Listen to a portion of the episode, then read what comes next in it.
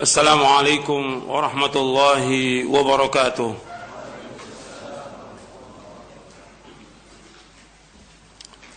إن الحمد لله نحمده ونستعينه ونستغفره ونعوذ بالله من شرور أنفسنا ومن سيئات أعمالنا.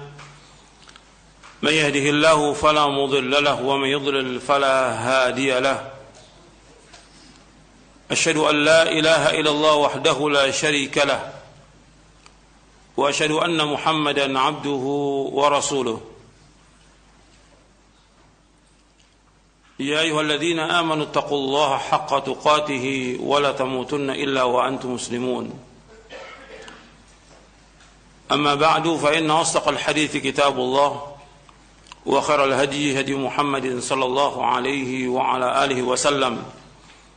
وشر الأمور محدثاتها وكل محدثة بدعة وكل بدعة ضلالة وكل ضلالة في النار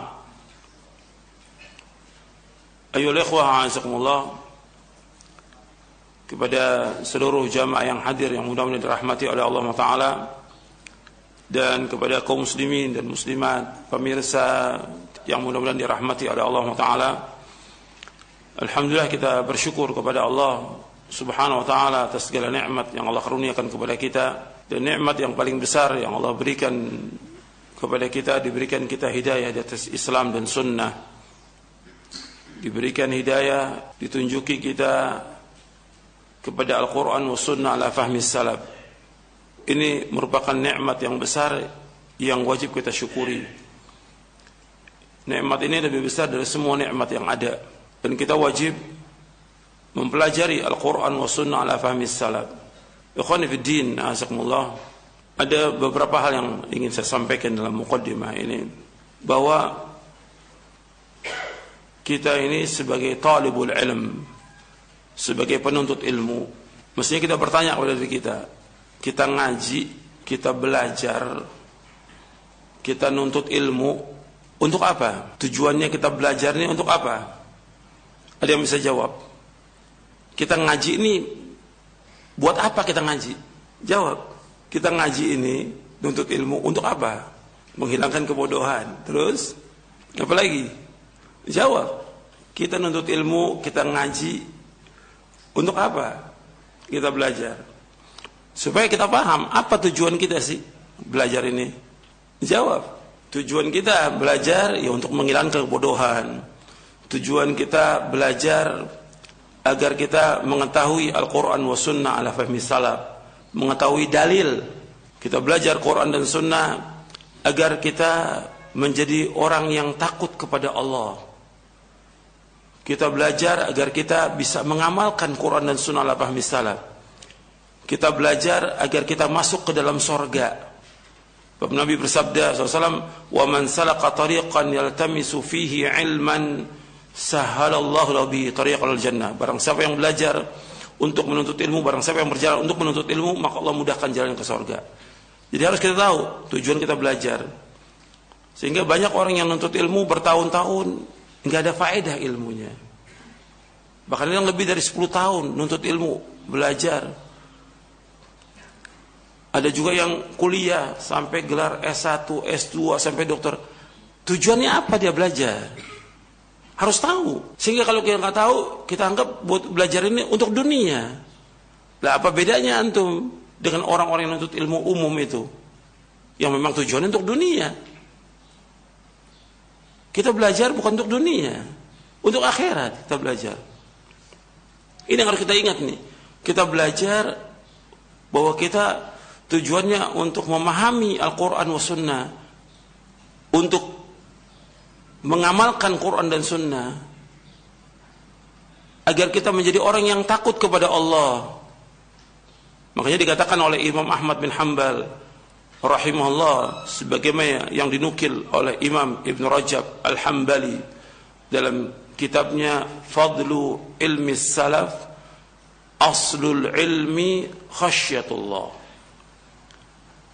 Aslul Ilmi Khasyatullah bahwa pokok ilmu itu takut kepada Allah jadi kita ngaji, kita belajar, kita nuntut ilmu Bagaimana kita takut kepada Allah Taala. Ini penting. Sehingga dengan kita takut kepada Allah, kita berhati-hati dalam hidup ini. Betul-betul kita berusaha untuk melaksanakan tauhid kepada Allah, menjauhkan syirik. Berusaha untuk melaksanakan sunnah, menjauhkan bid'ah.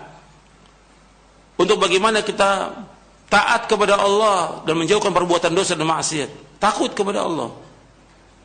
Aslul ilmi khasyatullah.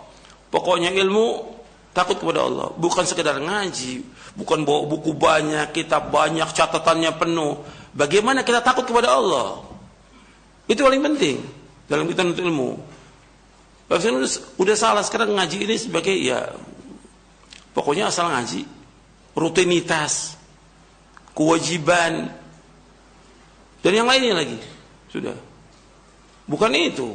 Tapi bagaimana kita takut kepada Allah Taala? Antum perhatikan bahwa para anbiya wa rusul alaihi wassalatu wassalam ketika mereka mendakwakan kaumnya mereka selalu ingatkan untuk mentauhidkan Allah, menjauhkan syirik, untuk bertakwa kepada Allah. Kemudian mereka mengatakan inni akhafu alaikum azab yaumin azim. Inni akhafu alaikum azab yaumin azim. Sesungguhnya aku takut kepada kalian azab pada hari yang besar yang kita bahas sekarang ini tentang hari kiamat. Aku takut dengan azab yang besar nanti di hari kiamat. Artinya para anbiya wa rusul alaihi wassalatu wassalam ketika mendakwakan kaumnya, kaumnya dalam keadaan dia Islam atau kafir waktu itu.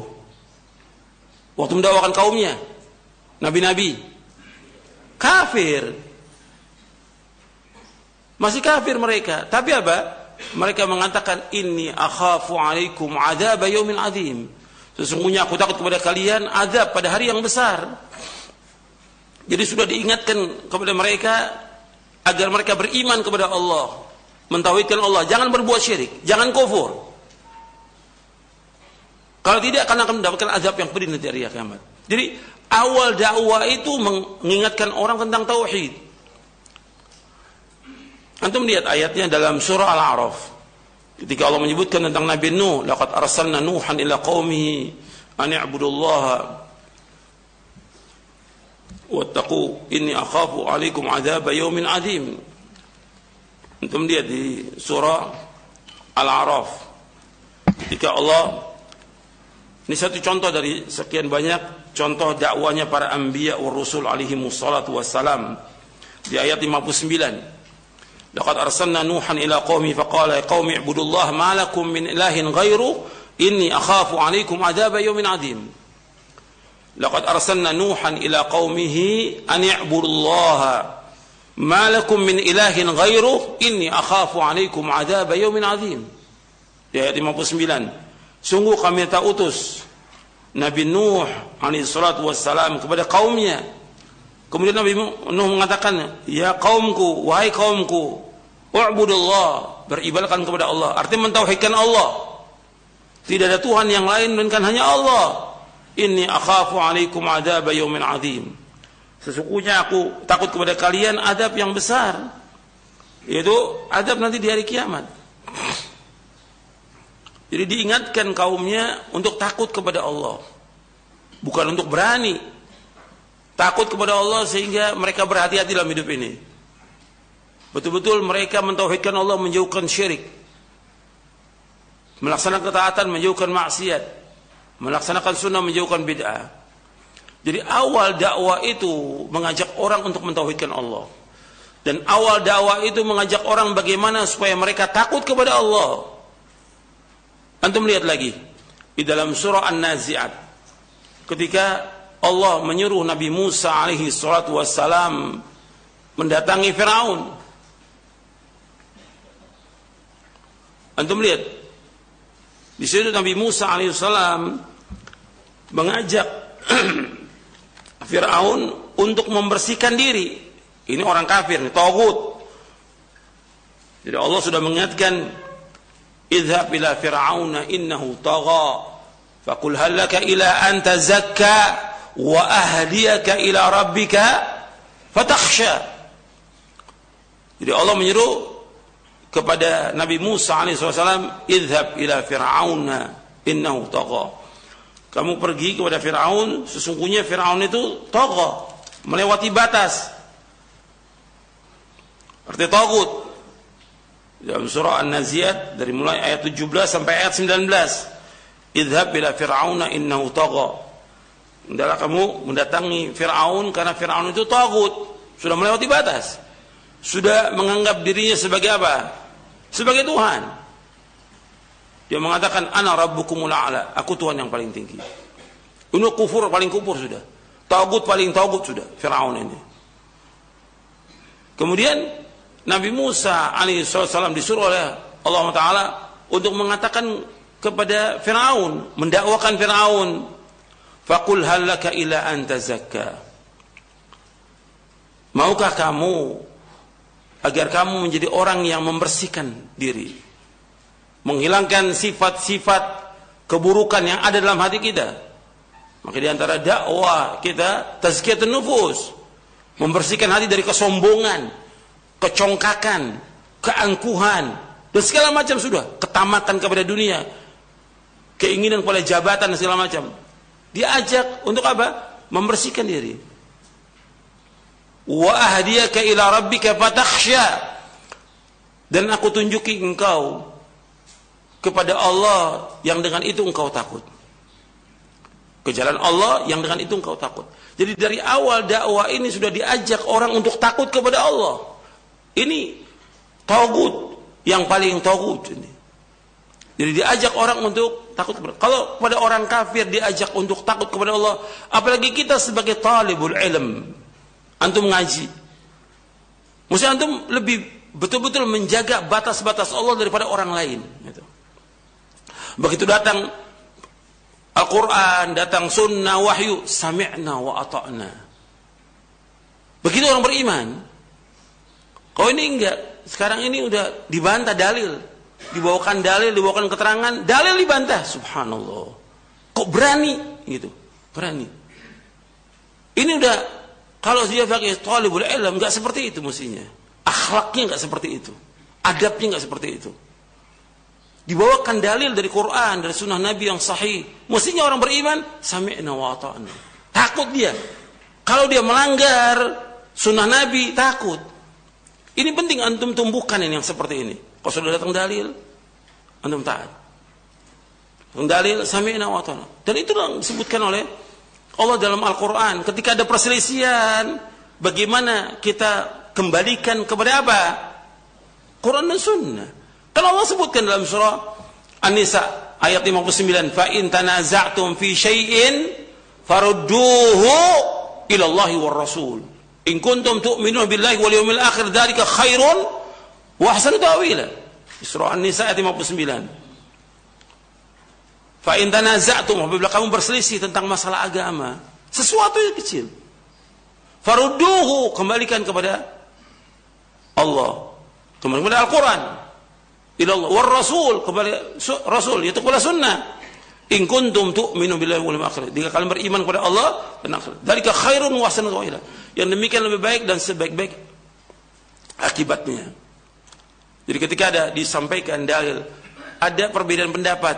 Bagaimana kita mengikuti dalil? Yang diikuti apa? Dalil. Itu perhatikan tuh.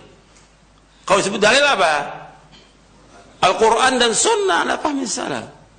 Sami'na wa ta'na. Mesti seperti itu ada perselisihan bagaimana hati kita tunduk kepada wahyu. Allah berfirman dalam surah An-Nisa ayat 65. Eh, ayat 65 6. Fala wa rabbika la yu'minuna hatta yuhakkimuka fima shajara bainahum. Thumma la yajidu fi anfusihim harajan mimma qadaita wa yusallimu taslima. Demi Rabbmu mereka tidak dikatakan beriman sehingga mereka menjadikan engkau Muhammad sebagai hakim terhadap apa-apa yang mereka proseskan dengan mereka. Kemudian mereka nggak dapat dalam hati mereka rasa haraj, rasa sempit. Dari apa yang kau putuskan, wa yusallimu taslima dan mereka tunduk dengan setunduk-tunduknya. Jadi kalau sudah ada keterangan, dalil, kita ikuti dalil. Bukan ikuti yang lain, bukan ikuti pendapat orang, pendapat ini nggak boleh. Dalil. Kalau sudah jelas sunnah Nabi, ikut tidak sunnah Nabi. Nggak boleh ikuti yang lain. Ini penting dalam kita beragama. Karena karena udah mulai ini bergeser nih pemahaman tentang agama ini. Supaya orang berpegang teguh pada Quran dan Sunnah al-Fahmi Salaf, mulai ini bergeser sekarang ini. Karena ada perbedaan, perbedaan. Kalau sudah dalil, ikuti dalil. Sami'na wa ta'na. Jadi bagaimana kita menumbuhkan kepada hati kita ini takut kepada Allah. Bukan menolak. Bukan sombong. Ini sekarang udah banyak. Dalam menyampaikan sesuatu bohong, kemudian dibawakan dalil, menolak. Ini orang yang pendusta dan sombong ini. Dalam Islam nggak boleh seperti itu. kan Allah sebutkan dalam surah An-Nur di ayat 51 إنما كان قول المؤمنين إذا دعوا إلى الله ورسوله يحكم بينهم أن يقولوا سمعنا وأطعنا وأولئك هم المفلحون Sesungguhnya perkataan orang beriman itu kalau diajak kepada Allah dan Rasulnya mereka mengatakan apa? Sami'na wa ata'na. Wa ulaikal muflihun. Mereka orang-orang yang berbahagia. Mereka orang yang sukses. Seperti itu. Ini penting untuk diperhatikan oleh semua penuntut ilmu dan seluruh kaum muslimin dan muslimat yang Mudah-mudahan rahmati oleh Allah. Kita berpegang pada dalil. Kita akan selamat. Kalau kita ikut Rasulullah, kita akan dapat hidayah. Wa in tuti'uhu tahtadu kata Allah. Kalau engkau mentaati beliau Rasulullah SAW, tahtadu kalau dapat petunjuk. Kita akan dapat petunjuk. Kita ingin berada dalam hidayah dan tetap dalam hidayah sampai kita diwafatkan oleh Allah Taala. Tetap di atas hidayah. Sebab orang ketika dia sudah menolak sunnah, meninggalkan sunnah, pasti sesat. Antum perhatikan. Abu Bakar As-Siddiq radhiyallahu anhu Beliau mengatakan saya bawakan dalam buku konsekuensi cinta kepada Nabi Muhammad sallallahu alaihi wasallam. Abu Bakar As-Siddiq radhiyallahu anhu seorang sahabat yang dijamin oleh Allah masuk surga Beliau mengatakan dan ini riwayat diriwayatkan oleh Imam Bukhari dalam sahihnya dan juga diriwayatkan oleh Imam Ibnu Battah dalam kitabnya Libana. Kata Abu Bakar As-Siddiq radhiyallahu an, "Lastu tarikan syai'an kana Rasulullah SAW ya'malu bihi illa amiltu bihi fa inni akhsha in taraktu syai'an min amrihi an azigha." Kata Abu Bakar As-Siddiq radhiyallahu anhu, aku tidak meninggalkan sedikit pun amalan-amalan yang Rasulullah SAW lakukan kecuali aku pun mengerjakannya. Karena aku khawatir apabila aku tinggalkan satu saja perintah beliau, maka aku akan sesat. Aku khawatir kalau aku meninggalkan satu saja perintah beliau, aku akan sesat. Ini riwayat yang sahih diriwayatkan oleh Imam Bukhari dalam sahihnya dan juga oleh Imam Ibn Battah dalam kitabnya Al-Ibana. Apa aja perintah Rasulullah? Yang Rasul perintahkan kita sami'na wa ta'ana. Tentang wajibnya mentauhidkan Allah, wajibnya berbuat baik kepada kedua orang tua. Rasul memerintahkan kita untuk melaksanakan sunnah, Rasul memerintahkan kita untuk sholat berjamaah di masjid, untuk merapatkan saf dan yang lainnya. Taati perintah Rasulullah, jangan dilawan. Jangan ditentang. Sami'na wa ata'na. Perintah Rasulullah SAW. Laksanakan. Kalau Abu Bakar aja takut kalau beliau meninggalkan sesuatu perintah Rasulullah. Kata beliau aku takut sesat. Takut sesat. Dikasih komentar oleh Imam Abu Abdullah bin Ubaidillah bin Muhammad bin Battah rahimahullah yang wafat tahun 387 Hijriah. Dalam kitabnya Ibana kata beliau begini wahai saudara-saudaraku Abu Bakar As-Siddiq As-Siddiqul Akbar ia takut apabila kesesatan menimpa dirinya. Ingat takut, takut apabila kesesatan menimpa dirinya jika ia menyalahi perintah Nabi Muhammad wasallam. Lantas bagaimana halnya akan ada di satu zaman nanti di mana orang-orang di zaman itu mereka justru memperolok-olok Nabi Muhammad SAW.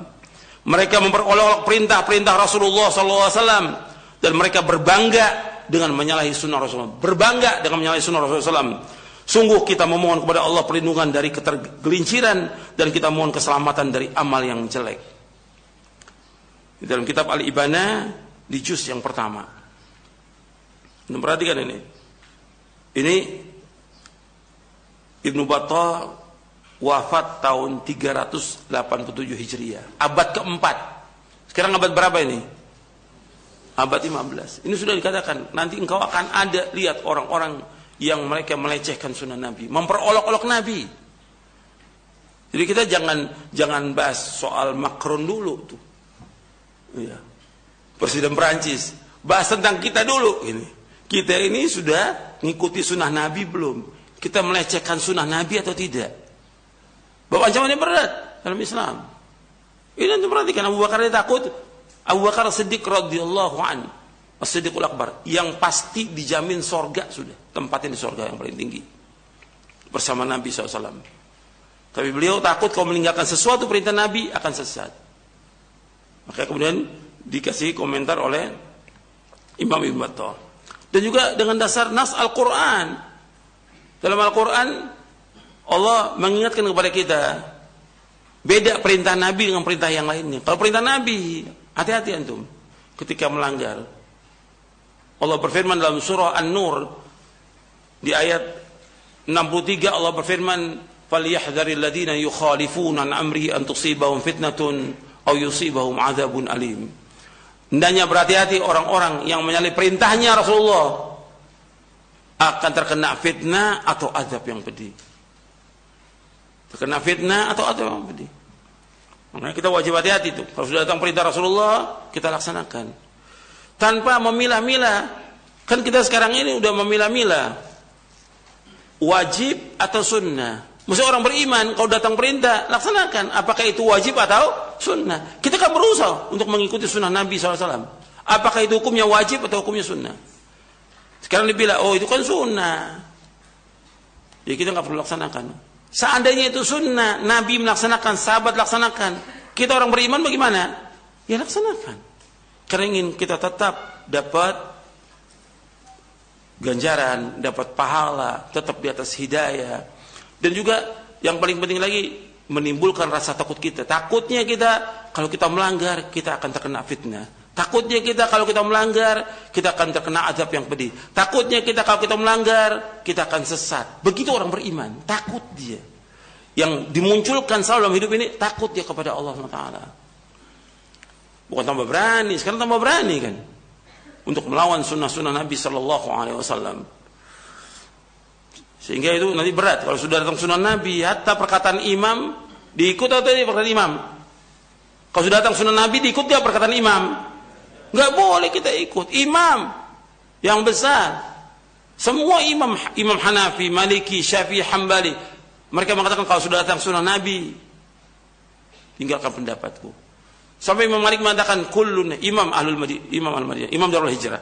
Kulluna radun wa mardudun illa sahib hadzal qabr. Setiap kita ini bisa menolak dan bisa ditolak kecuali ini. Itu kuburan Nabi. Kecuali penghuni kibir, penghuni kubur ini yaitu Rasulullah SAW nggak boleh kita tolak sabda-sabdanya sunnah-sunnahnya nggak boleh kita tolak nah, pendapat manusia bisa kita tolak tapi kalau ada dalil sami'na wa ta'na makanya nggak boleh kita meninggalkan satu perkataan karena perkataan seseorang meninggalkan dalil nggak boleh saya sudah bawakan ketika kita membahas antum lihat lagi catatan antum ketika kita membahas tentang ciri-ciri ahlu sunnah dan ciri-ciri ahlul bid'ah itu ada 12 poin. Dua kali pertemuan antum lihat dalam dua kali mukaddimah saya sebutkan antum di catatan antum. Ada di yang keempat. Yang keempat, dari penjelasan Al-Imam Ibn Qayyim di dalam kitabnya As-Sawa'iq Al-Mursala yang kemudian disebutkan dalam kitabnya Al-Mukhtasar, Mukhtasar Sawa'iq yang keempat disebutkan oleh Ibn Qayyim wa minha anna ahla sunnati idha sahat lahum sunnatu an rasulillahi sallallahu alaihi wasallam lam yatawaqqafu 'anil amali biha wa i'tiqadi mujibiha ala ay wafiqaha muwafiqun بل يبادرون إلى العمل بها من غير نظر إلى من وافقها أو خالفها. وقد نص الشافعي على ذلك في كثير من كتبه وعاب على من يقول لا أعمل بالحديث حتى أعرف من قال به ذهب إليه. بل الواجب على من بلغته السنة الصحيحة أن يقبلها وأن يعاملها بما كان يعاملها به الصحابة حين يسمعونها من رسول الله صلى الله عليه وسلم. فينزل نفسه منزلة من سمعها منه صلى الله عليه وسلم قال الشافعي رحمه الله وأجمع الناس على أن من استبانت له سنة الرسول صلى الله عليه وسلم لم يكن له أن يدعها لقول أحد وهذا من أعظم علامات أهل السنة أنهم لم يتركونها إذا ثبتت عندهم liqauli ahadin minan nasi kainan man kana. Yang keempat, Imam Muqayyim dalam kitabnya Mukhtasar Sawaik Al-Mursala, Ahlu Sunnah apabila telah sahih satu sunnah dari Rasulullah SAW, maka mereka tidak lantas berdiam diri dari mengamalkannya. Artinya nggak diam diri, berusaha bagaimana mengamalkannya dan meyakininya. Dia tidak diam, Kadang ada orang yang sudah datang sunnah Nabi, dia diam dulu. Tunggu, ada nggak orang yang setuju dengan sunnah ini? Ini dalil, sahih dalilnya. Siapa sih? Ada ustadz, syekh, ulama, setuju nggak dengan dalil ini? Nggak begitu orang beriman. Jadi Rasulullah apabila telah sahih Rasulullah maka mereka tidak lantas berdiam diri dari mengamalkan dan meyakini sampai ada orang yang setuju dengan mereka. Akan tetapi mereka langsung bersegera mengamalkannya tanpa melihat kepada orang yang setuju dengannya atau tidak. Ini agama. Agama adalah wahyu. Pokoknya Al-Quran dan sunnah ala fahmi salaf. Bukan lihat orang banyak. Bukan orang setuju atau tidak dengan dalil ini. Ketika tahu dalil ini sahih, kewajiban kita untuk mengamalkan sami'na wa ata'na. Itu orang beriman. Enggak tunggu orang lain setuju atau tidak dengan dalil ini. Imam Syafi'i rahimahullah telah mengatakan hal demikian dalam banyak kitabnya. Beliau mencela orang yang mengatakan aku tidak akan mengamalkannya aku tidak akan mengamalkan hadis sampai aku mengetahui siapa yang mengambil hadis tersebut dan mengamalkannya. Kata beliau, wajib bagi orang yang sampai kepada satu kata Imam Syafi'i rahimahullah, wajib bagi orang yang sampai kepada satu sunnah yang sahih untuk menerimanya dan memperlakukannya sebagaimana para sahabat memperlakukannya ketika mereka mendengar langsung dari Rasulullah SAW, ia harus memposisikan dirinya seperti orang yang mendengar langsung dari Rasulullah SAW. Kemudian Imam Syafi'i mengatakan, wa ajma'an nasu ala man man istabanat lahu sunnah Rasulullah lam yakun lahu ayada'aha liqauli ahadin. Manusia telah sepakat bahwasanya siapa yang telah jelas baginya sunnah Rasulullah Manusia telah sepakat bahwa siapa yang sudah jelas baginya sunnah Rasulullah Sallallahu Alaihi Wasallam maka tidak boleh ia meninggalkannya karena perkataan siapa pun juga. Kata Imam Nuqayyim rahimahullah kata beliau, wahada min a'zami alamati ahli sunnati annahum la yatrukunaha idza thabatat indahum liqauli ahadin minan nasi kainan man kana." Kata Ibnu Qayyim rahimahullah, ini merupakan sebesar-besar ciri ahlu sunnah mereka tidak akan meninggalkan sunnah Nabi SAW karena perkataan seorang manusia siapa pun dia orangnya apakah dia ustad apakah dia syekh apakah dia ulama apa dia imam kalau sudah datang dalil yang kita wajib ikut apa dalil untuk ingat seumur hidup itu ini penting karena mulai sekarang ada orang-orang yang udah datang sunnah ya ada fatwa begini, ada kata syekh begini, ditinggalkan itu dalil. Ini mulai ini berbahaya.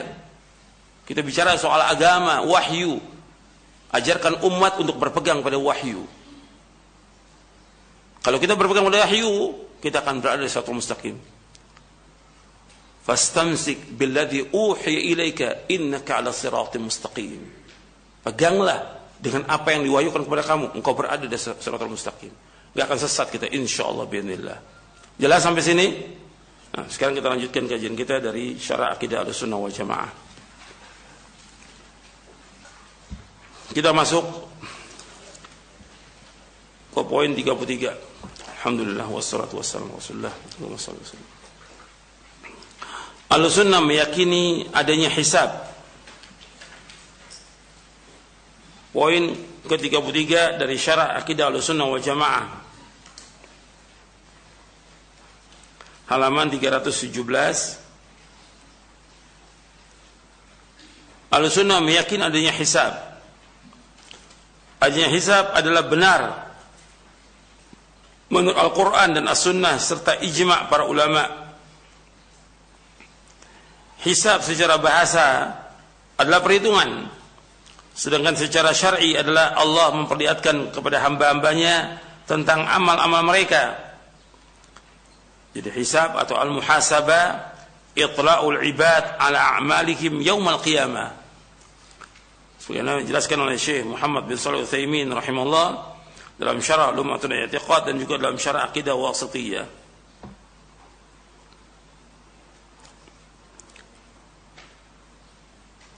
Jadi hisab itu Allah memperlihatkan kepada hamba-hambanya tentang amal-amal mereka diperlihatkan. Ini hisab namanya.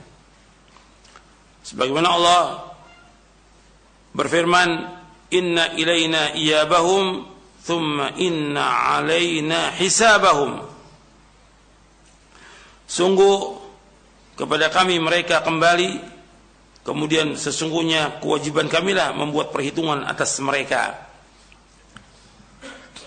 Artinya semua yang dilakukan oleh manusia ini itu enggak ada yang hilang semua tercatat. Dan semua akan ditunjukkan oleh Allah ketika hari kiamat. Ditampakkan dipaparkan semuanya itu. Tentang perbuatan mereka yang baik maupun yang buruk. Akan dilihatkan oleh Allah apa yang kita lakukan itu semua nggak ada yang hilang, semua tercatat. Semua tercatat. Dan semua akan dibukakan. Makanya Nabi SAW dalam sholatnya sering berdoa, Allahumma hasibni hisaban yasira. Ya Allah hisablah aku dengan hisab yang mudah. Antum bisa baca dalam sujud, antum bisa baca juga ketika tasyahud akhir. Allahumma hasibni hisaban yasira. Ya Allah hisablah aku dengan hisab yang mudah. Kemudian Aisyah radhiyallahu anha bertanya kepada Rasulullah SAW tentang apa yang dimaksud dengan hisab yang mudah.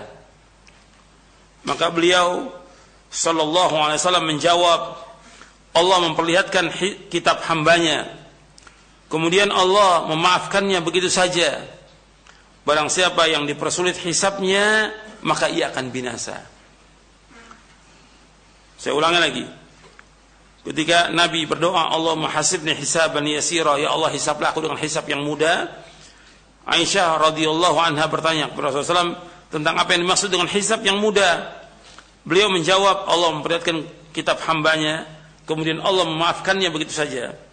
Barang siapa yang dipersulit hisabnya, maka ia akan binasa. Dan orang yang dipersulit hisabnya karena banyak dosanya, maka dia akan diadab man nuqisha al-hisaba udhiba dalam riwayat Bukhari yang diriwayatkan juga oleh Aisyah radhiyallahu anha wa ardaha Nabi bersabda SAW man nuqisha al-hisaba udhiba barang siapa yang diperiksa dihitung dengan teliti dari perbuatan perbuatan dosanya udhiba dia pasti akan diadab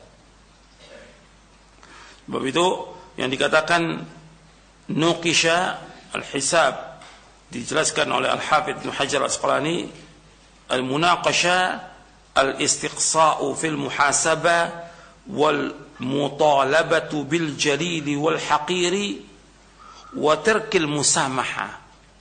Kata Al-Hafidh Ibn Hajar Al-Asqalani ketika menjelaskan hadis ini dalam kitabnya Fathul Bari beliau mengatakan yang dimaksud dengan al-munaqasha al-istiqsa'u fil muhasabah artinya dia dihitung dengan rinci, dengan detail dan rinci. Hitungan dosa-dosanya itu yang dilakukan seumur hidupnya. Kemudian wal mutalabatu bil jalil wal haqir. Kemudian dituntut semua dosanya yang besar maupun yang kecil. Watarkil musamaha tidak ada dimaafkan lagi. Ini berarti kalau nggak dimaafkan. So, nanti ada juga orang-orang dimaafkan oleh ada. Waktu dihisap ada yang dimaafkan. Makanya selanjutnya disebutkan sifat hisab bagi seorang mukmin yaitu Allah mendekat dengan hamba-hambanya yang mukmin dan memperlihatkan dosa-dosa hambanya hingga ketika ia merasa bahwa ia akan binasa Allah berkata kepadanya, "Aku tutup bagimu dosamu di dunia dan aku mengampunimu, mengampuni dosa-dosamu pada hari ini." Maka diberikan kepadanya kitab kebaikannya. Adapun orang kafir dan munafik, mereka dipanggil di hadapan seluruh makhluk. Mereka adalah orang-orang yang berdusta sama Allah. Allah berfirman di dalam surah Hud ayat 18 ومن أظلم ممن افترى على الله كذبا أولئك يعرضون على ربهم ويقول الأشهاد هؤلاء الذين كذبوا على ربهم ألا لعنة الله على الظالمين Dan siapakah yang lebih zalim daripada orang yang mengada-adakan sesuatu kebohongan terhadap Allah? Mereka itu akan dihadapkan kepada Rabb mereka. Dan para saksi akan berkata, orang-orang inilah yang telah berbohong terhadap Rabb mereka Ingatlah laknat Allah ditimpakan kepada orang-orang yang zalim. Ini diriwayatkan oleh Imam Bukhari dan juga Muslim dari sahabat Ibnu Umar. Ini riwayat ini semuanya diriwayatkan oleh Bukhari dan Muslim dari sahabat Ibnu Umar. Makanya orang-orang beriman itu ketika dihisab disebutkan oleh Allah seperti disebutkan di dalam riwayat Bukhari dan Muslim Inna Allah yudni al-mu'min fayada'u alayhi kanafahu wa yasturuhu fayaqulu ata'rifu dhanba kadha ata'rifu dhanba kadha fayaqulu na'am ay rabbi hatta idha qarrarahu bidhunubihi wa ra'a fi nafsi annahu halak qala satartuha alayka fid dunya wa ana aghfiruha laka al-yawma fayu'ta kitab hasanatihi. Jadi sesungguhnya Allah mendekat kepada orang mukmin ini lafaz hadisnya dari apa yang sudah diterjemahkan di sini. Allah mendekat kepada orang mukmin atas Allah meletakkan penutup. Allah tutup maka Allah kemudian mengatakan kepada orang mukmin ini engkau tahu nggak engkau pernah berbuat dosa ini?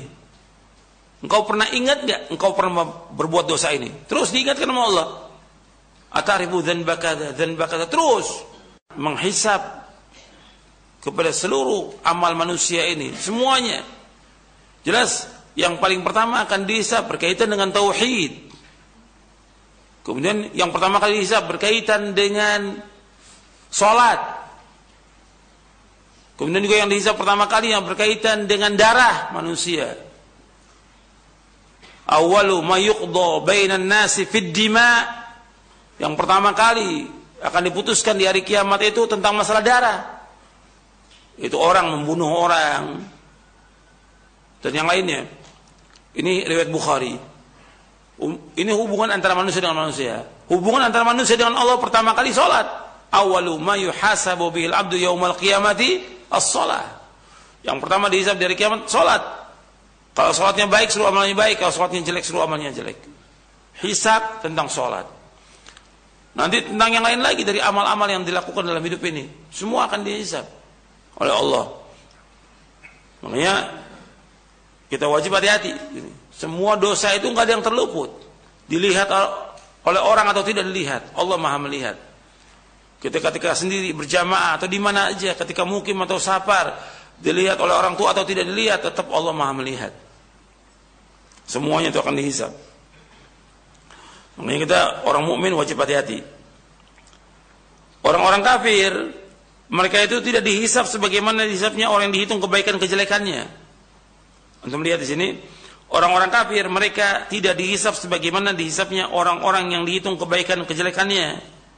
Karena apa? Karena sungguhnya mereka orang-orang kafir itu tidak ada kebaikannya. Akan tapi amal-amal mereka dihitung lalu dibiarkan begitu saja dan mereka diadab dengan sebab amalannya itu. Ini dalam akidah wasatiyah. Pada hari kiamat seluruh amalan baik orang kafir akan dijadikan seperti debu-debu yang berterbangan atau seperti fata morgana dan tidak nilainya di sisi Allah Taala. Allah berfirman dalam surah Al-Furqan di ayat 23, "Wa qadimna ila ma 'amilu min 'amalin faja'alnahu haba'an manthura. Kami hadapkan seluruh amal-amal mereka, kami jadikan seperti debu-debu yang berterbangan. Artinya orang kafir nggak ada nilainya perbuatan baiknya. Di dunia dibalas. Orang kafir berbuat kebaikan. Allah ini maha adil. Orang kafir berbuat kebaikan, dia menolong fakir miskin, dia menolong orang susah. Ada juga orang kafir bangun madrasah. Dia bikin panti asuhan. Dia banyak dia tolong orang, dibalas di dunia.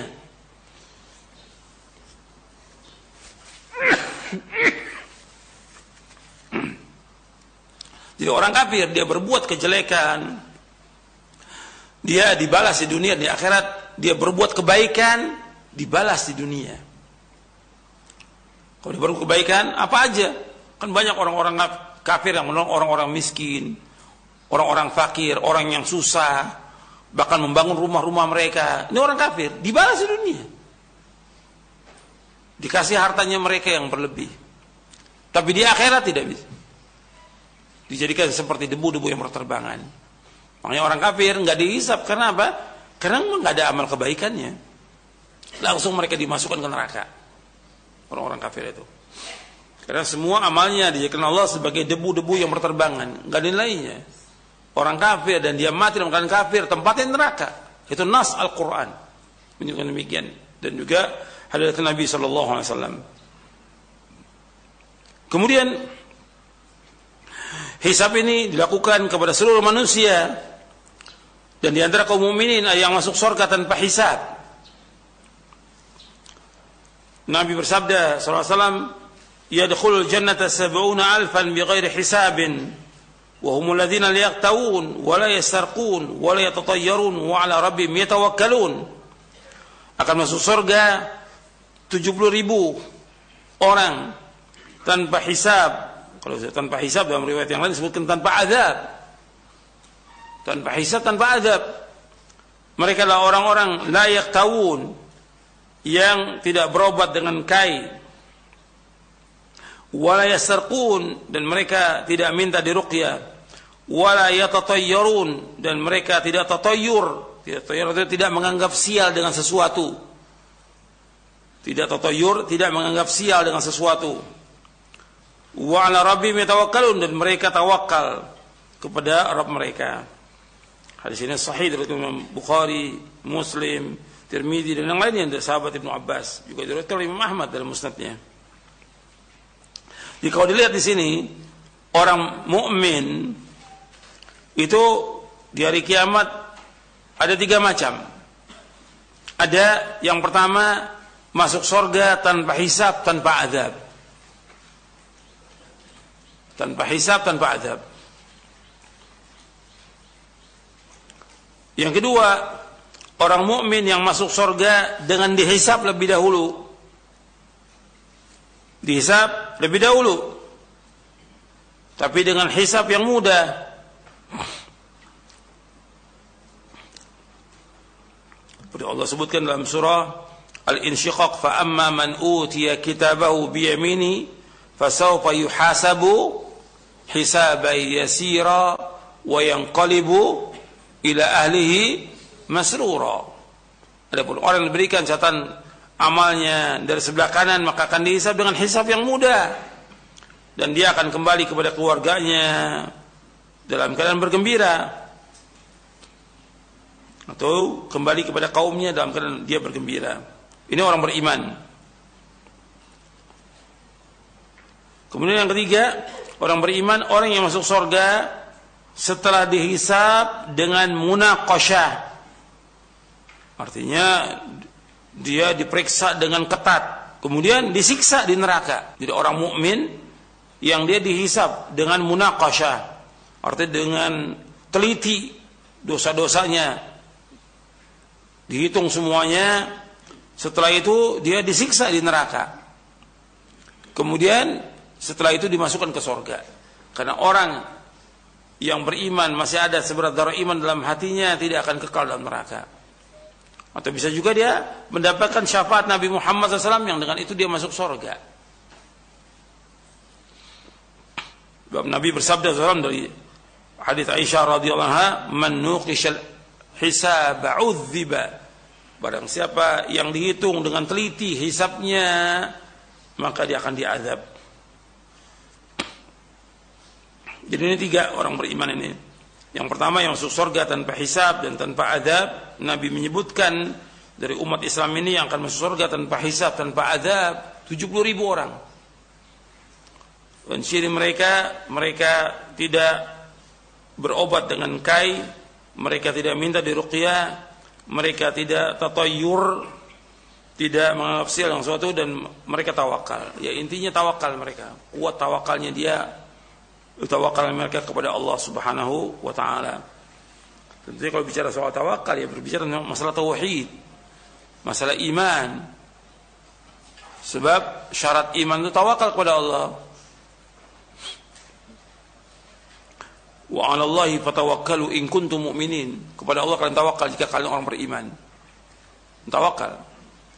Pokoknya dia bagaimana menyerahkan hatinya itu hanya kepada Allah, bersandar hatinya dengan jujur kepada Allah dalam mengambil manfaat, menolak bahaya dengan menjalankan sebab yang sesuai dengan syariat. Ini berkaitan dengan hisab. Kemudian nanti pembahasan ya, selanjutnya terus dilanjutkan lagi. Yang berkaitan dengan mizan. Kalau sudah ada hisab, ada mizan. Al-Sunnah meyakini tentang adanya mizan. Poin ke-34. Al-Sunnah meyakini adanya mizan. Misalnya timbangan. Al-Sunnah meyakini tentang ditegakkannya al-mizan timbangan dan dibukakannya catatan-catatan amal. Secara bahasa arti mizan adalah sebuah alat neraca untuk mengukur sesuatu berkelan berat dan ringan. Itu secara bahasa. Secara istilah mizan adalah satu yang Allah taala letakkan pada hari kiamat untuk menimbang amal hambanya sebagaimana yang telah ditunjukkan oleh Al-Quran dan Sunnah dan ijma' salaf. Allah berfirman di dalam surah Al-Mu'minun ayat 102 103 Faman thaqulat mawazinu faulaika humul muflihun wa man khaffat mawazinu faulaika alladziina khasiru anfusahum fi jahannam khalidun talfahu wujuhahumun nar wa hum fiha kalihun Barang siapa yang berat timbangan kebaikannya maka mereka itulah orang-orang yang beruntung dan barang siapa ringan timbangan kebaikannya maka mereka itulah orang-orang yang merugikan dirinya sendiri. Mereka kekal di dalam neraka jahanam, wajah mereka dibakar api neraka dan mereka di neraka dalam keadaan muram dengan bibir yang cacat. Dibahas tentang mizan dalam kitab-kitab akidah karena ada golongan yang sesat yang menolak tentang adanya mizan. Seperti Mu'tazilah. Mu'tazilah mengingkari tentang mizan. Dan mempunyai dua daun timbangan. Diingkar oleh mereka. Lalu sunnah meyakini dengan dasar dalil dari Al-Quran dan sunnah Nabi yang sahih. Dan ijma' salafus salih. Allah berfirman, "Wa kullu insanin alzamnahu ta'irahu fi 'unuqi wa nukhriju lahu yawmal qiyamati kitaba yalqahu manshura. Iqra' kitabak, kafa bi nafsika al-yawma 'alayka hasiba." Dan setiap manusia telah kami kalungkan catatan amal perbuatannya di lehernya. Dan pada hari kiamat kami keluarkan baginya sebuah kitab dalam keadaan terbuka. Bacalah kitabmu, cukuplah dirimu sendiri pada hari ini sebagai penghitung atas dirimu. Artinya semua dibuka catatannya itu dari apa yang diamalkan, dia kan bisa menghitungnya. Di dalam surah Al-Isra ayat 13 ayat 14. Allah juga taala berfirman, dalam surah Al-Kahfi ayat 49 wa wudi'al kitabu fataral mujrimina mushfiqina mimma fi wa yaquluna ya waylatana ma li hadzal kitabi la yughadiru saghiratan wala kabiratan illa ahsaha wa wajadu ma 'amilu hadira wala yadhlimu rabbuka ahada. Diletakkan kitab catatan amal engkau akan melihat orang-orang berdosa merasa ketakutan terhadap yang tertulis dalam dalamnya dan mereka berkata, celakalah, kami. Ya wailatana mali hadzal kitabi la yughadiru saghiratan wala kabiratan illa asaha. Celakalah kami. Kitab apakah ini? Tidak ada yang tertinggal, yang kecil dan yang besar, melainkan tercatat semuanya. Semua perbuatan amal manusia tercatat, nggak ada yang satu pun terluput, tidak ada sama sekali. Dan mereka dapati semua apa yang mereka kerjakan tertulis. Dan Rabbmu tidak menzalimi seorang pun juga.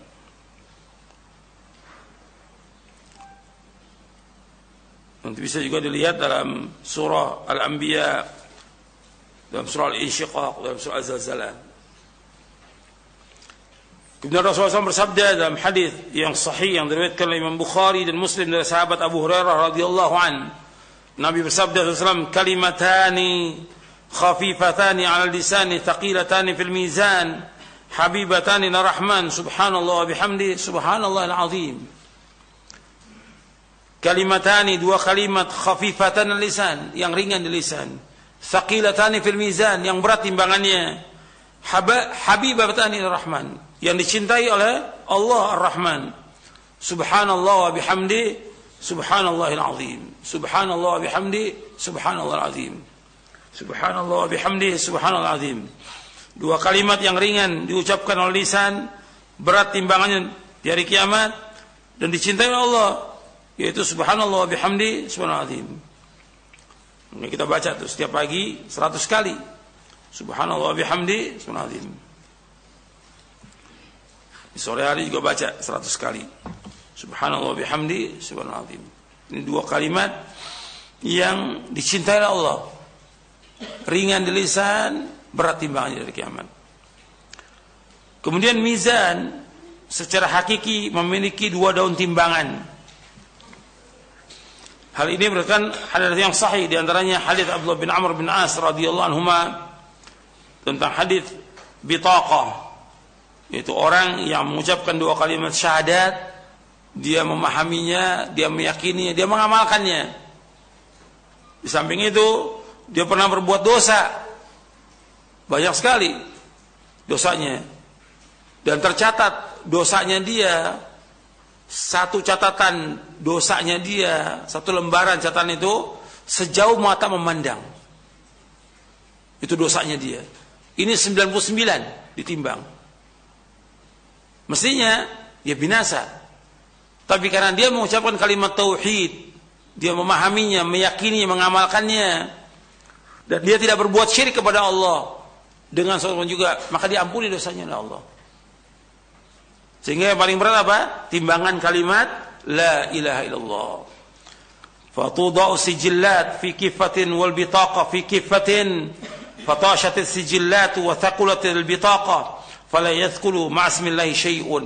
Artinya 99 dosanya itu di daun timbangan, kemudian Allah mengeluarkan catatan yaitu dia pernah mengucapkan kalimat tauhid, la Allah, dia pahami, dia amalkan dan dia tidak berbuat syirik.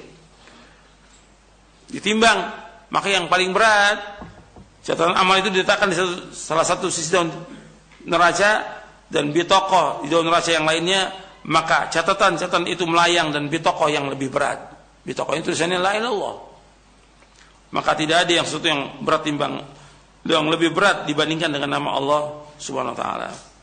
Ini hadisnya sahih riwayat Tirmizi, Ibnu Majah, Al-Hakim dan Ahmad dari sahabat Abdullah bin Amr bin As. Dan disesuaikan oleh Syekh Al-Albani dalam silsilah hadis as-sahihah. Iya, sampai di sini dulu kajian kita. Mudah-mudahan bermanfaat. Wassalamualaikum Muhammadin sallallahu alaihi wa ala alihi wasallam. Nah, Islam, pendengar Radio Roja dan pemirsa Roja TV, demikian kita simak dan ikuti pemaparan materi yang disampaikan oleh Al-Ustaz di pagi hari ini. Dan untuk selanjutnya kita memasuki sesi interaktif, sesi tanya jawab. Bagi Anda yang akan bertanya silakan bisa menghubungi kami di 0218236543 atau pesan singkat ke 0819896543. Baik, kami coba sapa dari penelpon terlebih dahulu di 0218236543. Silahkan.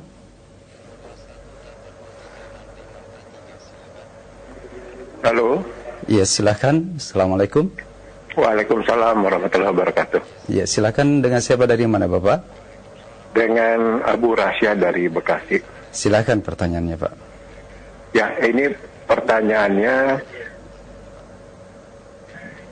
Oh ya, pertanyaannya itu ini terkait yang 70 ribu orang uh, yang di Padang Masyar yang memang nanti akan uh, apa namanya dapat memasuki surga tanpa dihisap uh, dan tanpa di ini ya di azab gitu ya. Yeah. Nah itu apakah kita memang ada kemungkinan untuk menjadi 70 ribu orang tersebut? Karena memang kalau kita lihat kan kondisinya sahabat memang jumlahnya aja udah lebih dari 100 ribu gitu kan ya apakah memang kita ada kemungkinan menjadi 70 ribu orang itu? Iya. Gitu aja. Assalamualaikum warahmatullahi Baik, wabarakatuh. terima kasih Bapak. Waalaikumsalam warahmatullahi wabarakatuh. Nah, silakan Ustaz.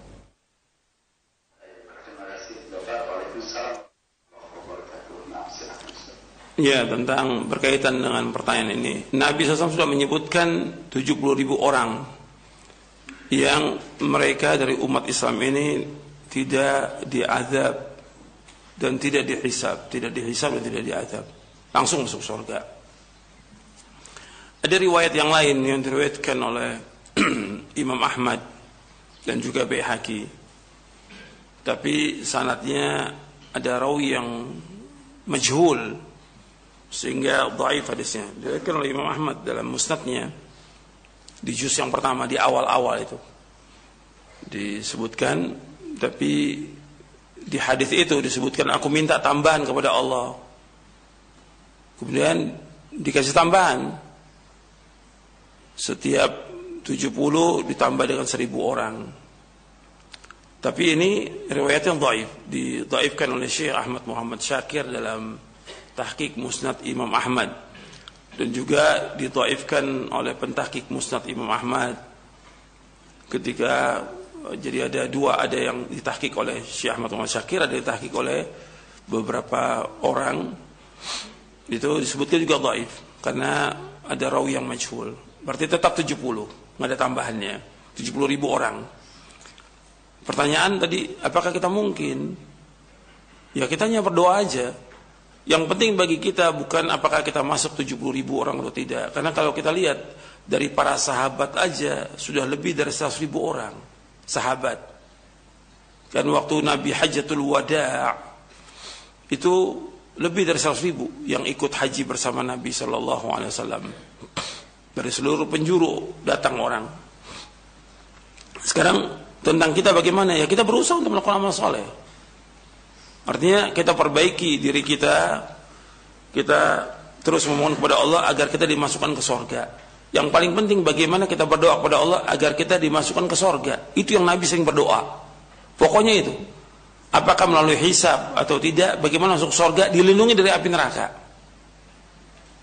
Artinya kita berusaha bagaimana kita masuk sorga dan Allah melindungi kita dari dari api neraka. Itu yang Nabi selalu minta kepada Allah. Allahumma inni as'alukal jannah wa a'udzu bika minan nar. Allahumma inni as'alukal jannah wa a'udzu bika minan nar. Allahumma inni as'alukal jannah wa a'udzu bika minan nar. Ya Allah, aku kepada Engkau surga dan aku berlindung kepada Engkau dari api neraka. Itu yang terus. Karena cita-cita yang paling tinggi seorang mukmin atau puncak cita-cita seorang mukmin dimasukkan ke surga dijauhkan dari neraka. Orang yang dikatakan sukses, yang berhasil, yaitu faman nari wa udkhilal jannata faqad faz. Barang siapa yang dijauhkan dari neraka dimasukkan ke surga, maka dia orang sukses. Nah, kalau kita sudah tahu bahwa kita ingin masuk surga, ya mestinya apa yang kita lakukan? Apa yang kita lakukan? Berlomba-lomba dalam melakukan amal saleh. Fastabikul khairat. Bukan santai bukan sibuk dengan dunia, bukan bermain-main, berlomba-lomba, gitu. melakukan amal-amal soleh. Kita terus melakukan amal soleh. Bukan berarti kalau kita melakukan amal soleh kita nggak kerja, nggak dagang, tetap kerja, tetap dagang, tetap usaha, tetap. Cuma nggak lalai, tidak lalai dari mengingat Allah. Ketika Allah menyebutkan tentang orang-orang yang diberikan rahmat oleh Allah. Antum lihat di dalam surah An-Nur. Kita melakukan amal-amal soleh. Apakah kita nggak usaha nggak kerja nggak dagang? Ya tetap kerja tetap dagang. Cuma nggak lalai dari mengingat Allah. Antum lihat di surah An-Nur di ayat 36 37 ketika Allah menyebutkan tentang orang-orang yang mereka meramaikan masjid Allah yang mereka berzikir kepada Allah fi buyutin adinallah an turfa wa yudhkara fiha ismuhu yusabbihu lahu fiha bil ghudwi wal asar. Yaitu di rumah-rumah maksudnya di masjid-masjid yang Allah izinkan untuk diangkat dan disebut namanya Allah bertasbih padanya di waktu pagi dan petang. Rijalun La tulhihim tijaratun wala bay'un an dzikrillah wa iqamis shalah wa ita'iz zakah yakhafuna yawman tataqallabu fihi alqulub wal absar. Liyajziyahum Allah ahsana ma 'amilu wa yazidu min fadli wallahu yarzuqu man yasha'u bighairi hisab. Itu laki-laki karena yang wajib sholat berjamaah di masjid siapa? Laki-laki. Itu laki-laki yang mereka tidak dilalaikan oleh perdagangan. Berarti mereka tetap dagang, usaha. Wala bay'un dan juga jual beli. Mereka nggak lalai dari perdagangan, jual beli, dari mengingat Allah. Mendirikan sholat, mengeluarkan zakat. Mereka takut kepada satu hari yang borok berbolak balik hati dan pandangan. Perhatikan mukadimah tadi saya bahas tentang apa? Tentang apa? Takut. Penuntut ilmu harus takut kepada Allah. Takut dia masuk neraka, takut dia dengan azab Allah. Mereka takut satu hari yang berbolak-balik hati dan pandangan. Agar Allah membalas mereka sebaik-baik apa yang mereka kerjakan. Dan Allah menambahkan dari karunia-Nya. Dan Allah memberikan rezeki kepada siapa yang Allah kehendaki. Kepada hambanya tanpa hisab, tanpa perhitungan. Jadi Allah menyebutkan di sini bahwa orang enggak lalai dia dari mengingat Allah. Dia dagang, usaha, tapi nggak lalai mengingat Allah. Tetap mengerjakan amal-amal soleh. Tetap dia sholat, dia puasa, dia keluarkan zakat, dia berzikir, dia ngaji, dia baca Al-Quran, dia nuntut ilmu, menolong orang yang susah. Tetap jalan itu semuanya. Semuanya karena Allah, semuanya ikhlas karena Allah. Bukan mencari pujian manusia, bukan. Sebab nanti ada ketika dihisap itu ada orang-orang bahkan pertama kali nanti dihisap. Pertama kali. Tiga orang yang dihisap. Antum ingat itu? Hadisnya sahih muslim. Pertama kali yang dihisap pertama kali. Tiga orang. Yang semua amalnya soleh. Amalnya soleh. Tapi dia tidak ikhlas karena Allah. Yang pertama yaitu orang yang belajar. Nuntut ilmu. Baca Al-Quran. Dia sama Allah kamu dulu belajar, nuntut ilmu, baca Quran untuk apa? Karena engkau ya Allah, kata Allah, bohong kamu. Kamu belajar bukan karena aku. Kamu nuntut ilmu, kamu baca Al-Quran bukan karena Allah. Sudah ketahuan demikian, seperti itu, diseret dimasukkan neraka dia. Yang kedua, ini amal soleh. Nuntut ilmu amal soleh, baca Quran amal soleh. Yang kedua, yaitu orang yang bersedekah. Sedekah amal soleh. Ditanya, engkau berbuat apa kamu melakukan amal soleh? Sedekah ya Allah. Semua tempat dia lakukan sedekah. Kata Allah, engkau lakukan untuk apa? Karena engkau ya Allah bohong. Karena Allah yang tahu hatinya. Engkau melakukan ini karena ingin dipuji oleh manusia. Dan Allah sudah katakan, dia nggak bisa bantah, diseret, dimasukkan ke neraka. Yang ketiga, yaitu orang yang dia berjihad di jalan Allah. Allah tanya, engkau berjihad untuk apa? Karena engkau ya Allah. Enggak. Engkau berjihad supaya engkau dikatakan orang yang kuat, pahlawan, atau apa lagi. Bukan karena Allah. Atau mungkin karena ghanimah. Dimasukkan dia ke neraka dengan sebab itu. Ini hadis sahih muslim.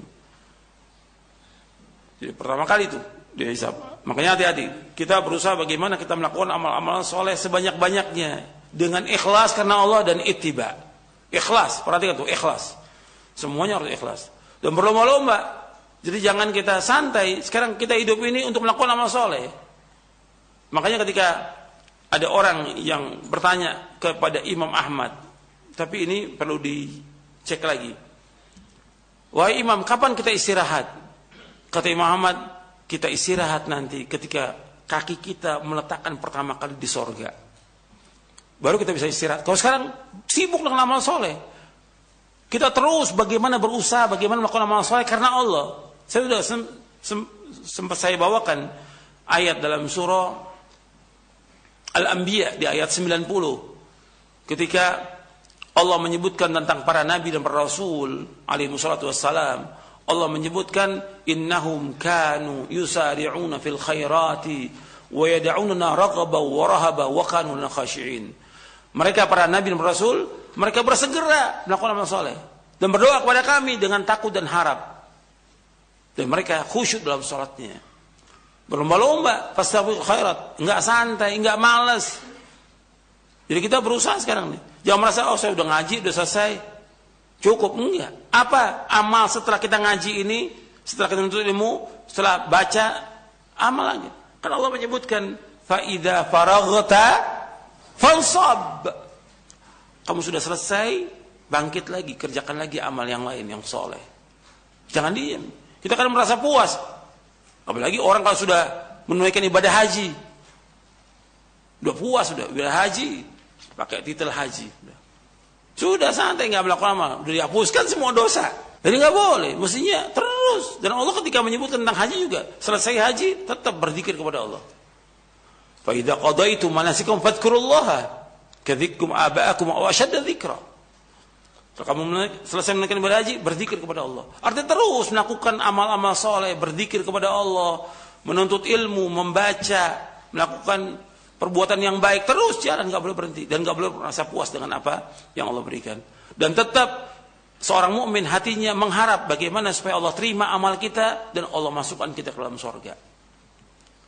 Ya itu saja. Mungkin ada lagi yang mau tanya silakan Baik, terima kasih Ustaz. Jazakallah khairan jawaban dan nasihat al Ustaz. Masih kami coba angkat dari penelpon di 0218236543 silahkan. Iya silakan. Assalamualaikum Ustaz. Waalaikumsalam warahmatullahi wabarakatuh. Silakan dengan siapa dari mana Bapak? Dengan Abu Anas di Bau-Bau. Silakan pertanyaannya Bapak. Uh, begini Ustaz. Karena ada riwayat bahwa Nabi kita Sallallahu Alaihi Wasallam ada satu telaga nanti di di akhirat nanti ada satu telaga yang sekali minum oleh umatnya kita tidak akan merasa haus selama-lamanya. Tetapi ada umat-umat yang mau datang minum, yaitu dari kalangan umat Islam sendiri juga dia datang minum, tetapi Allah Subhanahu Wa Taala mengusir dari orang-orang tersebut. Kemudian Allah mengatakan atau eh, Nabi mengadu kepada Allah, mengapa diusir ya Allah? Kemudian Allah menjelaskan bahwa engkau tidak mengetahui apa amalan mereka sepeninggal sepeninggalmu. Yang ditanyakan amalan apa yang mereka lakukan sehingga Allah mengusir mereka daripada meminum air telaga Rasul tersebut. Iya. Demikian Ustaz Baik, yang saya tanyakan. terima kasih Bapak. Barakallahu fiik. Assalamualaikum warahmatullahi Waalaikumsalam warahmatullahi wabarakatuh. Nah, silahkan Ustaz.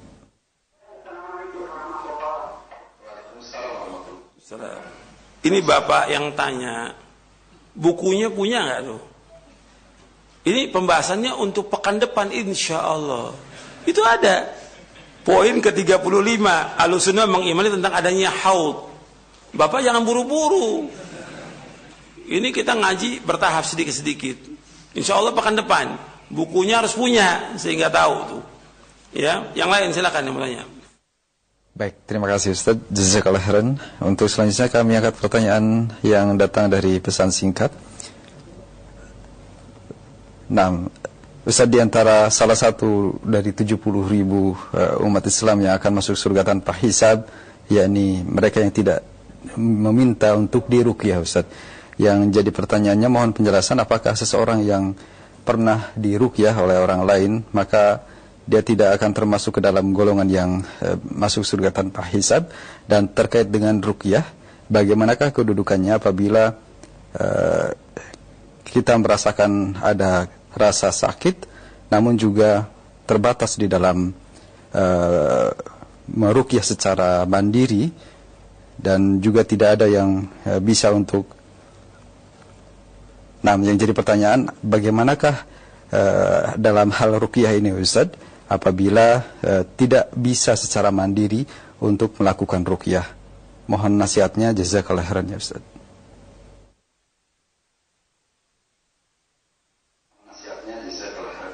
Iya.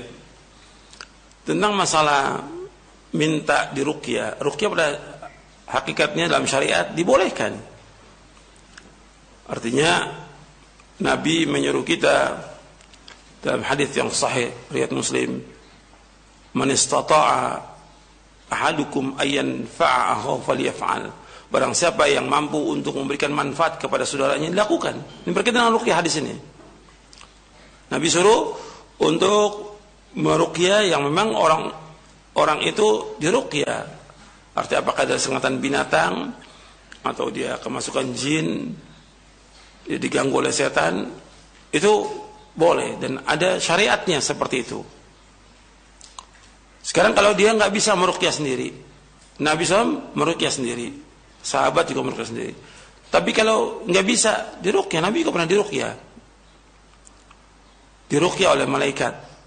Dirukyah nggak ada masalah, boleh secara hukum syari. Artinya sekarang dia punya kebutuhan, dia nggak bisa merukyah sendiri, dia minta dirukyah. Secara hukum syari boleh atau tidak boleh? Boleh minta dirukyah nggak ada masalah. Dan ini pernah ditanya kepada Syekh Abdul Aziz bin Abdul bin Bas dalam fatwa Nur al-Darb ketika ditanya bagaimana kalau orang yang dia nggak bisa dia merukyah, dia minta dirukyah, apakah e, itu boleh atau tidak boleh? Apakah bisa kemungkinan dia masuk kepada 70 ribu orang? Ya kalau dia beramal soleh insya Allah masuk. Tapi kan tadi sudah saya sebutkan, sahabat aja lebih dari 70 ribu orang. Yang penting bagi dia bagaimana berusaha untuk masuk surga itu yang paling penting sudah. Dijauhkan dari api neraka. Enggak usah disebutkan 70 ribu tanpa hisab tanpa adab, tapi yang penting bagi dia masuk surga. Soal masalah tadi ruqyah ada. Nanti ada pembahasannya di buku ini ada. Di buku syarah akidah ini ada pembahasan tentang ruqyah. Jadi antum sabar, insya Allah nanti ada babnya. Kita akan bahas tentang ruqyah. Cuma yang paling penting bagaimana kita mengikuti rukyah syariah. Karena kalau kita lihat sekarang ini rukyah banyak yang tidak syar'i.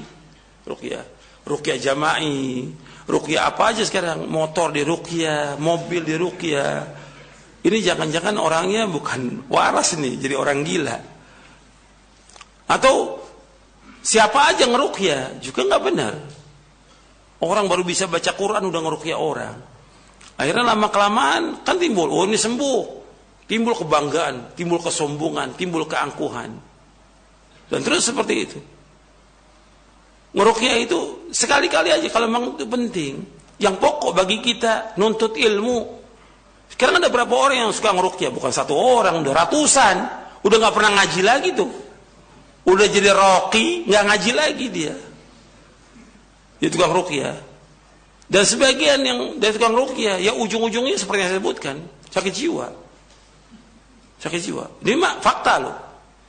Nyata, udah ada seperti itu. Sekarang justru kita bagaimana berusaha kita membaca Al-Quran untuk kita pahami, untuk kita amalkan. Bukan rukyah. Rukyah boleh Al-Quran, tapi pokok Al-Quran Allah turunkan sebagai apa? Hudan. Sebagai petunjuk. Sebagai petunjuk Al-Quran ini, sebagai rahmat. Agar kita berjalan di atas petunjuk ini, Al-Quran Sunnah Fahmi Salah. Tujuannya itu Al-Quran. Bukan sekarang semuanya megang Quran untuk merukyah orang. Semua dirukyah. Anak nakal dirukyah. La haula wa la quwata illa billah. Anak nakal. Ya lihat dong bapak sama ibunya gimana. Kan dididik dia. Bukan kemudian dirukyah. Jadi sekarang ini mau ngambil yang gampang aja sudah. Semua rukyah. Apa aja rukyah. Ya enggak benar. Semua harus belajar, mendidik. Dan itu lama puluhan tahun supaya orang ini berjalan di atas siratul mustaqim. Ini mau ambil gampang ruqyah. Tapi kita ikhwan fillah membaca Al-Qur'an itu dapat ganjaran dan kita harus paham karena Allah menyebutkan dalam Al-Qur'an seperti dibacakan oleh imam tadi dalam surah Muhammad afala yatadabbaruna al-Qur'an am ala qulubin aqfaluha apakah mereka tidak tadabburkan isi Al-Qur'an atau hati mereka ter, terkunci Tujuan Allah Al-Quran agar orang memahami Al-Quran ini, memahaminya dan mengamalkannya. Dan itu yang disibukkan oleh para sahabat dengan amal. Kalau ada yang sakit, perlu dirukyah, boleh. Tapi mereka nggak sibuk dengan rukyah. Seperti sekarang kan enggak. Bahkan tempatnya lagi tempat rukyah. Ya, B, BRC, Bekam Rukyah Center. Oh ini nggak benar dalam Islam. Ah, ini udah orang, orang yang seperti itu udah nggak pernah ngaji lagi, nggak pernah nuntut ilmu lagi, nggak pernah baca lagi udah. Jauh udah. Dan itu bahaya buat dia. Apalagi udah ada lagi yang sampai dialog dengan jin, dialog dengan jin, oh bangga dengan diri. Benar apa enggak itu nggak tahu. Akhirnya gurur dia dengan dirinya, ujub dengan dirinya, ya sesat nantinya, rugi dia. Jadi ini tetap hati-hati. Mungkin satu lagi, Awas. Ustaz, jazakallah khairan jawaban dan nasihatnya. Satu pertanyaan terakhir dari pesan singkat kembali. Assalamualaikum warahmatullahi Semoga Ustaz dalam keadaan uh, senantiasa dijaga Allah, oleh Allah Subhanahu wa taala. Ustaz, apakah benar bahwasannya uh, sulitnya istiqomah bagi seorang muslim itu karena banyaknya dosa yang dikerjakan oleh orang tersebut? Lalu bagaimanakah cara terbaik di dalam muhasabah diri atau menilai diri sehingga bisa segera sadar kembali ke jalan yang benar dan tidak lagi melakukan dosa dan kesalahan? Terima kasih atas jawaban dan nasihat Al Ustaz.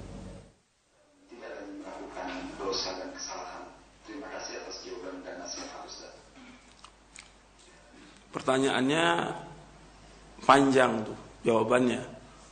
Yang ditanya tadi awalnya istiqomah, yang kedua muhasabah. Ini beda nih di sini nih. Jadi kita ingin istiqomah. Nabi sudah nasihati sahabat ketika saya bertanya, nasihati aku dengan satu perkataan yang aku nggak akan tanya lagi kepada orang lain. Nabi menjawab SAW, Kul amantu billah Thumma istaqim. Katakanlah beriman kepada Allah, kemudian istiqomah. Istiqomah berat. Lagi di zaman sekarang fitnah, luar biasa, berat istiqomah. Tapi yang harus antum perhatikan, kita wajib untuk istiqomah. Dan Allah sebutkan dalam surah Hud, fastaqim kama umirta. Adalah kamu istiqomah kepada sebagaimana yang Allah perintahkan kepada engkau. Istiqomah. Ketika bicara soal istiqomah, arti istiqomah di atas Quran wa sunnah fahmi salaf. Istiqomah pertama kali istiqomah di atas tauhid. Tauhid kepada Allah, menjauhkan syirik. Makanya para mufassir ketika menafsirkan ayat dalam surah Fusilat innal ladzina qalu rabbuna Allah thumma istaqamu sampai akhir ayat. Orang yang berkata bahwa Rabb kami Allah kemudian istiqomah. Mereka katakan orang-orang yang mengakui Allah sebagai Rabbnya dan beribadah kepada Allah dan dia tidak berbuat syirik kepada Allah, tetap dalam tauhid. Baru nanti fadilahnya banyak. Tanazzal ilmu malaikatu alla takhafu la tahzanu. Dan seterusnya ayatnya itu antum bisa, antum bisa baca. Jadi istiqomah yang pertama kali yaitu di atas tauhid. menjauhkan syirik. Kemudian istiqomah di atas sunnah, menjauhkan bid'ah. Penting ini, istiqomah di atas sunnah, menjauhkan perbuatan bid'ah. Karena banyaknya perbuatan bid'ah. Karena sudah banyaknya kadang-kadang orang membenarkan perbuatan itu. Berarti itu jelas salah. Tapi karena banyaknya orang, ya dia ikut seperti itu. Kemudian istiqomah atas ketaatan kepada Allah, menjauhkan perbuatan dosa dan maksiat. Kita wajib untuk menjauhkan perbuatan dosa maksiat karena perbuatan dosa maksiat berpengaruh pada istiqomah. Ketika dia berbuat dosa, berbuat maksiat itu menghalangi dia untuk istiqomah di atas jalan yang lurus. Makanya dia berusaha untuk menjauhkan perbuatan dosa dan maksiat, dan terus dia mengamalkan amal-amal soleh. Karena untuk istiqomah amal soleh lakukan terus. Tetap amal soleh. Dan meskipun sedikit amal soleh itu terus jalankan. Kemudian yang paling penting lagi terakhir doa kepada Allah. Doa. Membaca doa ya muqallibal qulub tsabbit qalbi ala dinik. Ya Allah yang membolakkan hati tetapkan hati hati kuat agamamu terus doa itu. Sebab itu yang paling banyak Nabi berdoa Nabi paling banyak berdoa ya, ya muqallibal qulub. Antum baca baca dalam sujud. Setiap sujud baca itu. Ya muqallibal qulub, tsabbit qalbi ala dinik. Ya Allah yang membolak-balikan hati, tetapkan hatiku atas kamu. Terus doa harus diiringi dengan amal.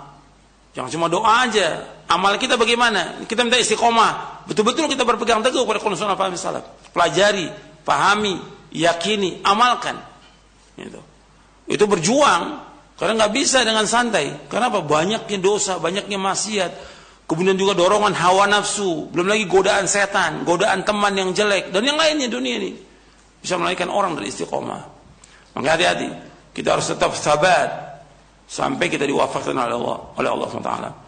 Ya ini saja yang perlu saya sampaikan. Mudah-mudahan bermanfaat. Kurang lebihnya saya mohon maaf. Wassalamualaikum Muhammadin sallallahu alaihi wasallam. Subhanakallahumma bihamdik. أشهد أن لا إله إلا أنت أستغفرك وأتوب إليك. السلام عليكم ورحمة الله وبركاته.